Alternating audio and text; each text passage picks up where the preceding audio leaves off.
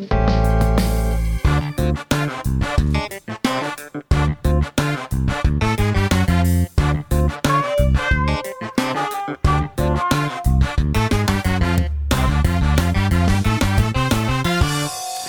og velkommen til denne episoden av podkasten Kommunen og meg. En podkast fra oss i Tønsberg kommune.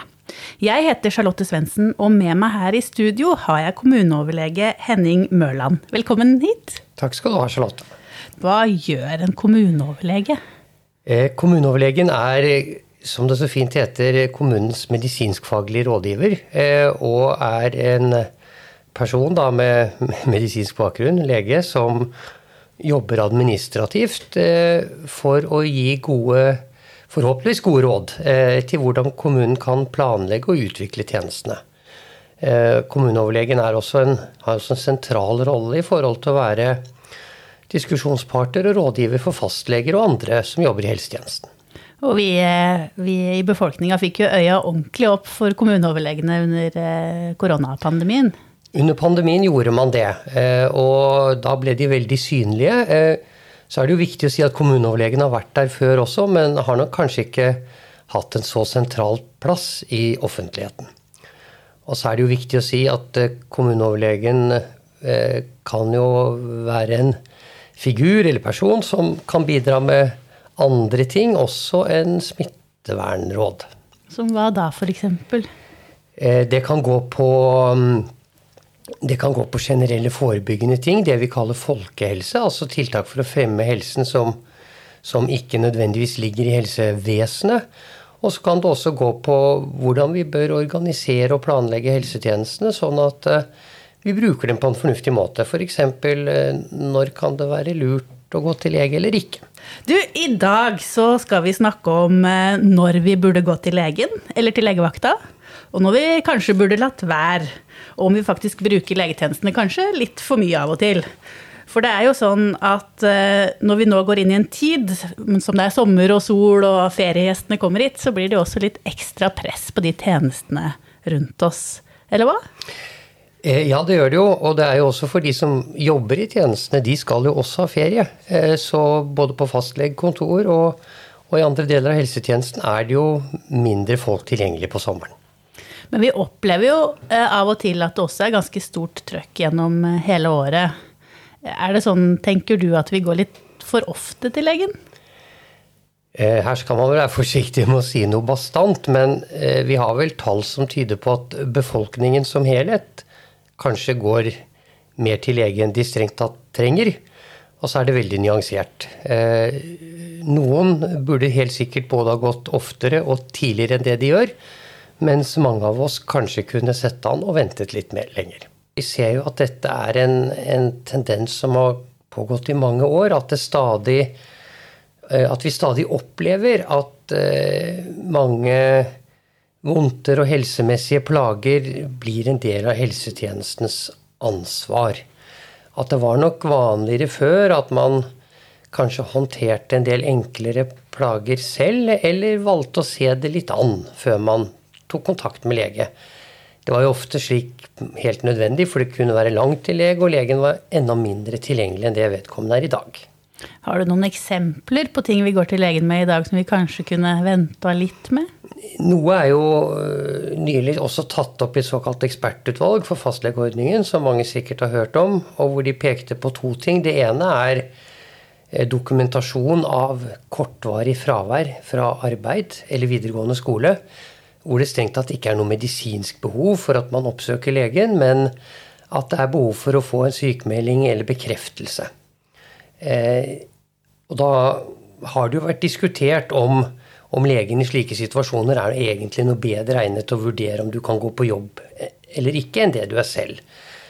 Eh, så det kan være ett eksempel. Og så er det nok en økende grad av bekymring for at man kan feile noe alvorlig. og all helseinformasjon som finnes i medier og på nett, kan gjøre at mange blir usikre og, og føler at de vil eh, ta en sjekk for sikkerhets skyld.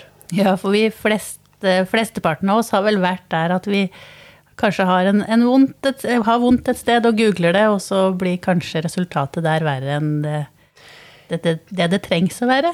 Det kan det fort bli. Eh, for å bruke et litt sånn enkelt eksempel, så hvis man har hodepine, så kan det skyldes hjernesvulst. Men det er så uhyre få tilfeller av de som har vondt i hodet, som faktisk har hjernesvulst. Det er mange andre årsaker som er mye, mye vanligere. Men hvis alle som hadde hodepine, eh, skulle gå til lege og, og bli undersøkt med, med CT eller MR-bilder, så ville det lamme hele helsetjenesten. Og, og, tilsvarende eksempler kan vi tenke for mange andre plager man kan oppleve. Så det er å finne den balansegangen for når en plage eller vondt er blitt skal vi si, så ille at vi tenker det er lurt å få undersøkt dette nærmere. Og så må dere jo stå i en litt vanskelig situasjon som leger, fordi hvis man sier nei og det er noe alvorlig, så er jo det ganske alvorlig? Det er ganske alvorlig, og jeg tror veldig mange vil ta det veldig hardt inn over seg hvis man har oversett alvorlig sykdom. Eh, og det er det er en veldig vanskelig avveining. Eh, og, eh, men det vi kan tenke litt på der, og som vi kanskje skal snakke litt om, er jo av graden av hast, eller, eller hvor, hvor, hvor, hvor, fort man må vurdere ting. Og det er, jo, det er, jo, en viktig del som både fastleger og legevakt hele tiden må ta stilling til. Det er eh, hvem har en helseplage eller sykdom, skade, som er så alvorlig at den må vurderes umiddelbart, og, og hvem kan eh, ta litt lengre tid. Og der vil nok helsevesenet vurdere det kanskje annerledes en del pasienter eller befolkningen vil gjøre. Ja, for der er du inne på noe som, som, du sier som vi gjerne prater litt om. Fordi vi står jo i et valg når vi er syke, om det haster mye, om vi skal ringe til ambulanse eller til legevakt, eller vente og ringe til fastlegen mm. vår. Har du noen, noen, råd? Jeg tenker spesielt hvis man som mor da står med et sykt barn og er bekymra. Eh, hvordan skal man vurdere det? Nei, eh, det er jo ikke enkelt. Nå finnes det jo en del helseinformasjon som er tilgjengelig på nett. Men hvis vi skal snakke om barn, så vil f.eks.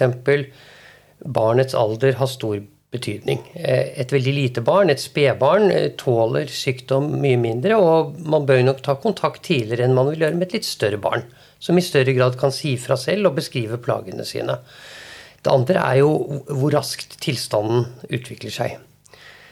Eh, man har jo som lege selv ofte hørt folk som kommer og sier at nå har jeg vært syk i over en uke, eh, og jeg har jo ikke blitt bra. Eh, så nå opplever jeg at det haster, og nå må jeg ses på med en gang. Det er en helt omvendt logikk, sånn som vi ser det fra helsevesenet. For har man vært syk i over en uke, så er det veldig lite sannsynlig at dette er en alvorlig plage som man ikke tåler å avvente enda noen dager. Så jo mer akutt det er, jo mer skal man tenke seg til i den retninga vi snakka om, altså ja. ambulanselegevakt ja. og fastlege. Det er det. Og så er det også sånn at eh, er det mulig å få det vurdert hos fastlegen, har det mange fordeler. For det første så kjenner jo ofte fastlegen på en helt annen måte til deg eller barna fra før. Eh, og har tilgang til opplysninger i pasientjournal som legevakten ikke har. Eh, og fastlegen vil stort sett også ha langt bedre mulighet eh, til å kunne gjøre utredninger på dagtid, enten det er å ta blodprøver eller henvise til røntgen eller andre ting. For i utgangspunktet er det jo slik at alle tjenestene vi bruker, er jo primært oppe på dagtid. Mens det som er tilgjengelig på kveld og natt og helg, er stort sett det som vi kaller mer vakt eller ø-hjelp. Så man vil jo kunne oppleve at man venter f.eks. mye lenger på å få tatt et røntgenbilde hvis det er behov for det, eh, om det tas på kveldstid, enn, enn om man kunne tatt det på dagtid hvis, hvis man tenker det er trygt å vente. Når vi snakker om legevakt, da. Eh, de aller fleste har kanskje vært innom legevakta en eller annen gang, og de aller fleste har venta ganske lenge. Mm. Og så har jeg forstått at det er et sånt system på legevakta med noen fargekoder og hvem som skal inn først og etterpå. Kan du ikke fortelle litt om hvordan det fungerer? Ja, det er et system for å prioritere pasientene, eller triasjere, som man bruker som ord. Og hensikten med det er eh, å prøve å sile ut de pasientene hvor man tenker at det er viktig å få gjort en rask vurdering. Eh, mens de som da ikke vurderes å haste like mye, f.eks. For fordi det er en tilstand som har vart en stund, eller ikke har noen alvorlige faresignaler, de kan risikere å måtte vente. Og de vil også måtte kunne risikere å vente og oppleve at pasienter som kommer etter dem, eh, kommer inn før. Og det er det mange som eh, synes ikke er greit, og som synes det virker urettferdig at de som kom etter i køen, slipper inn før. Men det er altså basert på en medisinsk vurdering som gjøres på legevakten, og hvor eh, de har noen kriterier å gå etter, sånn at man prøver at dette skal bli mest mulig rettferdig. Og det er klart at her vil også alder kunne spille inn, som vi var inne på. At uh, veldig små barn eller, eller, eldre skrøpelige vil kunne bli prioritert høyere enn en, uh, oss voksne i yrkesaktiv alder. Vi tåler vanligvis mer. Og av og til så er det kanskje sånn at man ikke ser de som kommer foran deg i køen heller? Noen ganger kan det være tilfellet. For noen ganger så, sånn som det er på legevakten her i Tønsberg, så vil pasienter som kommer inn med ambulanse f.eks., vil gå inn en annen dør. Eh, og da kan man jo, hvis man sitter på venterommet, da oppleve at her skjer det ingenting. Eh, fordi det er ikke noen bevegelse. Men så kan det ha kommet inn flere pasienter via ambulanseinngangen som eh, er alvorlig syke, og som krever at både leger og sykepleiere tilser dem først. Ja, så, Og det er jo ganske naturlig hvis vi snur om på det, og vi hadde vært akutt alvorlig syke, så hadde vi vært glad for at vi hadde gått foran ja. i køen. Det tror jeg de fleste ville synes. Ja. Så det er jo noe å tenke på når man sitter der eh, en gang, da. Ja. At man, det er et godt system for hvordan det rangeres. Ja. Og så er det klart at det alle kan bidra til litt selv, er jo hvis man tenker seg om og vurderer om jeg kunne ha ventet med dette, så vil det jo dempe det totale trykket, og det vil være til fordel for alle. Når man selv har behov for akutthjelp, så er det kanskje en litt kortere kø. Og så er det jo de da som aldri går til legen, som kanskje av og til burde ha gått til legen. Ja. Det er eh, noe vi opplever eh, titt og ofte, er jo at det dukker opp folk ganske sent, og som kan ha fått en alvorlig sykdom som har utviklet seg lenger. Eh, og hvor de får en dårligere prognose, altså dårligere forutsetninger, enn, om det hadde blitt oppdaget tidligere. Samtidig så tenker vi at det å anbefale folk sånn type generell helsesjekk eller service som på en bil, det er det ikke grunnlag for. Det er veldig lite som tilsier at det, det gjør at du får bedre helse. Jeg tror det viktige her er å være klar over hvis det skjer endringer. Eh, et eksempel på en endring er jo f.eks. Hvis, hvis man opplever at man blir mye mer tungpusten enn det man var tidligere. Eh, særlig hvis man er litt oppe i årene, så kan jo det være et tegn på at det kan være noe hjerte-lungesykdom eh, vektnedgang uten at man går inn aktivt for å slanke seg, kan ofte også være et tegn på en underliggende sykdom. Så det er jo disse endringene. Eh, og så er det jo en del eh, opp i årene som kanskje ikke merker så mye av vedkommende selv, men kanskje av pårørende, hvis det skjer endringer i forhold til det vi kaller det kognitive eller mentale funksjoner. Om det kan være tegn på en eh, tidlig utvikling av demens eller andre ting som ofte vil være situasjoner hvor man ikke søker hjelp selv. Det er gode råd, og jeg tenker at det jeg hører deg si, da, er at noen ganger så kan vi avvente litt og se hvis ikke det er tegn på noe alvorlig sykdom, og avlaste helsevesenet litt på den måten. Kanskje det går over av seg selv, den, den vondten man har i armen, f.eks. Noen ganger kan det gå over av seg selv, og jeg tenker også at hvis man tar kontakt, så må vi ha tiltro til at uh, de fleste vil jo primært ha kontakt med fastlegen. At, eh, at det er fastlegens vurdering, hvis man tenker at dette er noe som man kan vente eller kan se an litt frem i tid, så, så må vi på en måte ha tiltro til eh, at fastlegen gjør en fornuftig vurdering. Og så er det også sånn at hvis man da har behov eh, for en lege for en mer type hva vi kan kalle et administrativt formål, f.eks. For fornye en førerkortattest eller attest til For du vil søke opptak på Politihøgskolen eller hva den er, eh, så er ikke dette medisinske hasteoppgaver. Så da bør man være ute i god tid, sånn at fastlegen kan prioritere og sette opp det på en tid hvor man har god kapasitet. Eh, mange av oss som har vært fastleger, har opplevd dette, at eh, veldig mange kommer like før eh, og har da veldig lite forståelse for at eh, ikke de blir prioritert før en søknadsfrist eller noe annet. Men ut fra en medisinsk og helsemessig vurdering så er dette ikke noe vi kan sette foran folk som er syke.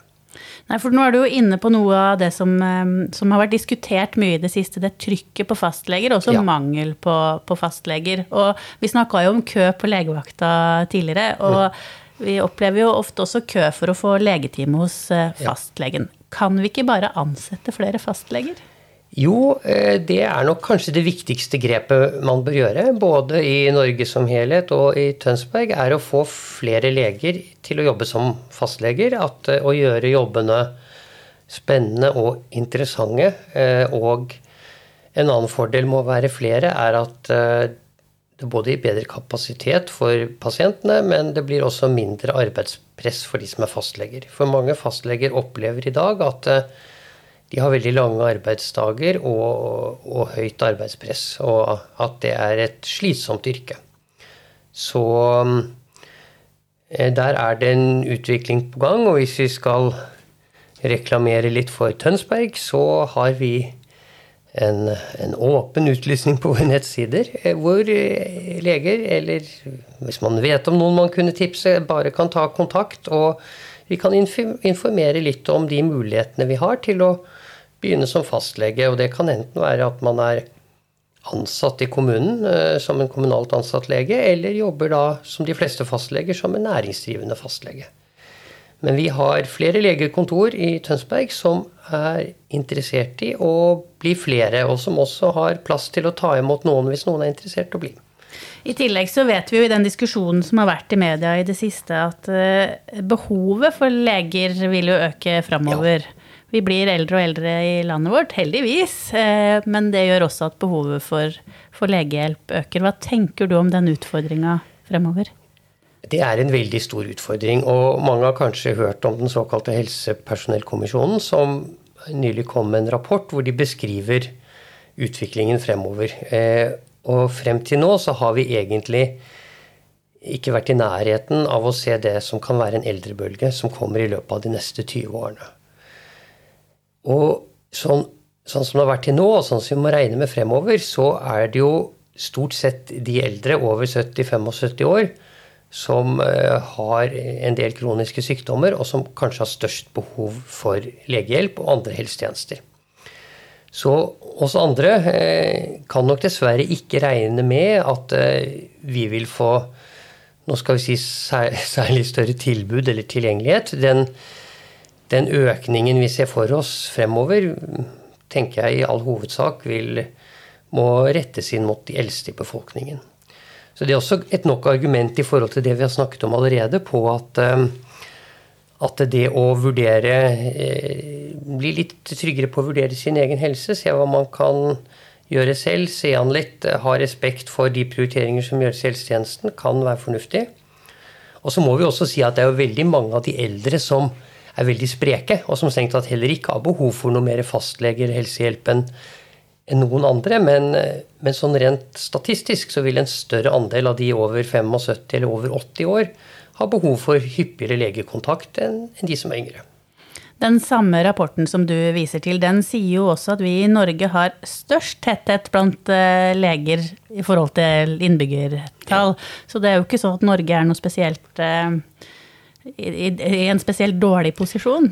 Nei, så det der er litt mystisk. Nei, no, noe kan nok forklares med geografi. At vi har en spredt bosetting som gjør at vi, sammenlignet med f.eks. Danmark og Nederland, må trenge flere leger og helsepersonell eh, pga. de geografiske avstander. Eh, så er det nok en del andre forskjeller òg, og som har vært påpekt, og vi var litt innom det i sted, er jo om eh, de, hva vi skal kalle de byråkratiske eller administrative oppgavene, papirarbeidet, som fastlegen har. Eh, som også har vært tatt opp i andre utredninger nå. F.eks. vil det være slik at eh, man må ha, nødvendigvis ha en sykemelding for korttidsfravær, enten det er i jobb eller skole. Eh, og det kan være en del andre ting òg som eh, kanskje kunne vært løst annerledes. Eh, så fikk jo i, særlig under pandemien så, så vi at det ble et økt tilbud for å kunne ha digital kontakt med fastlegen. Med e-konsultasjon eller videokonsultasjon. Eh, og det tenker vi kan være fleksibelt og, og, og gi et bedre tilbud. Men eh, vi må vel si at det, dessverre har vi vel sett at det har bare bidratt til å øke arbeidsmengden for fastlegene. Fordi disse pasientkontaktene har stort sett kommet i tillegg til, og ikke i stedet for vanlige timebesøk. Og har nok også bidratt til at mange fastleger opplever at de har fått en, en stor pågang og mer merarbeid. Eh, så um, det er en vanskelig balansegang dette mellom tilbud og etterspørsel. Det er nesten sånn at hvis vi får et bedre tilbud, så vil etterspørselen øke, eh, selv om vi egentlig ikke er sykere. Og som du sier, den, den, rapporten du viser til, den heter jo 'Tid for handling', og det gjelder kanskje for oss alle at ja. det vi kan gjøre som pasienter, er å tenke oss gjennom når vi skal belaste helsetjenesten, fordi eh, det er vi nødt for å ta stilling til framover så skal vi kanskje bruke ordet 'bruke' og ikke 'belaste'. Fordi 'belaste' høres litt sånn ut som man gjør det for å plage noen. Veldig bra. Du, helt til slutt. Eh, vi var jo inne på det helt innledningsvis, at nå går vi inn i en, en sommersesong, ja. som vi jo er veldig glad ja. for. Eh, har du noen gode råd til å bevare en god helse gjennom sommeren som ligger foran oss? Altså, Vi har jo disse litt kall vanlige og kjedelige eh, rådene, som kan være nyttige for å både forebygge sykdom og akutte skader, eh, det er jo å, å si, gjøre, gjøre, de riktige valgene, de fornuftige valgene med forhold til sørge for å få nok søvn og hvile, unngå, unngå situasjoner som øker risikoen for å bli syke eller skadet. Eh, og da må vi vel også påpeke dette med å Eh, tenke gjennom eh, inntak av alkohol og rusmidler. Vi vet at det er en stor overhyppighet for akutte skader under, under påvirkning. Eh, det skal jo ikke bety at man ikke skal kunne nyte rusmidler, men i måtehold, og, og i hvert fall ikke da kombinert med, med, med farlig atferd. Som å kjøre båt eller klatre opp på tak eller, eller andre ting. God sommer, da. God sommer. Takk for praten.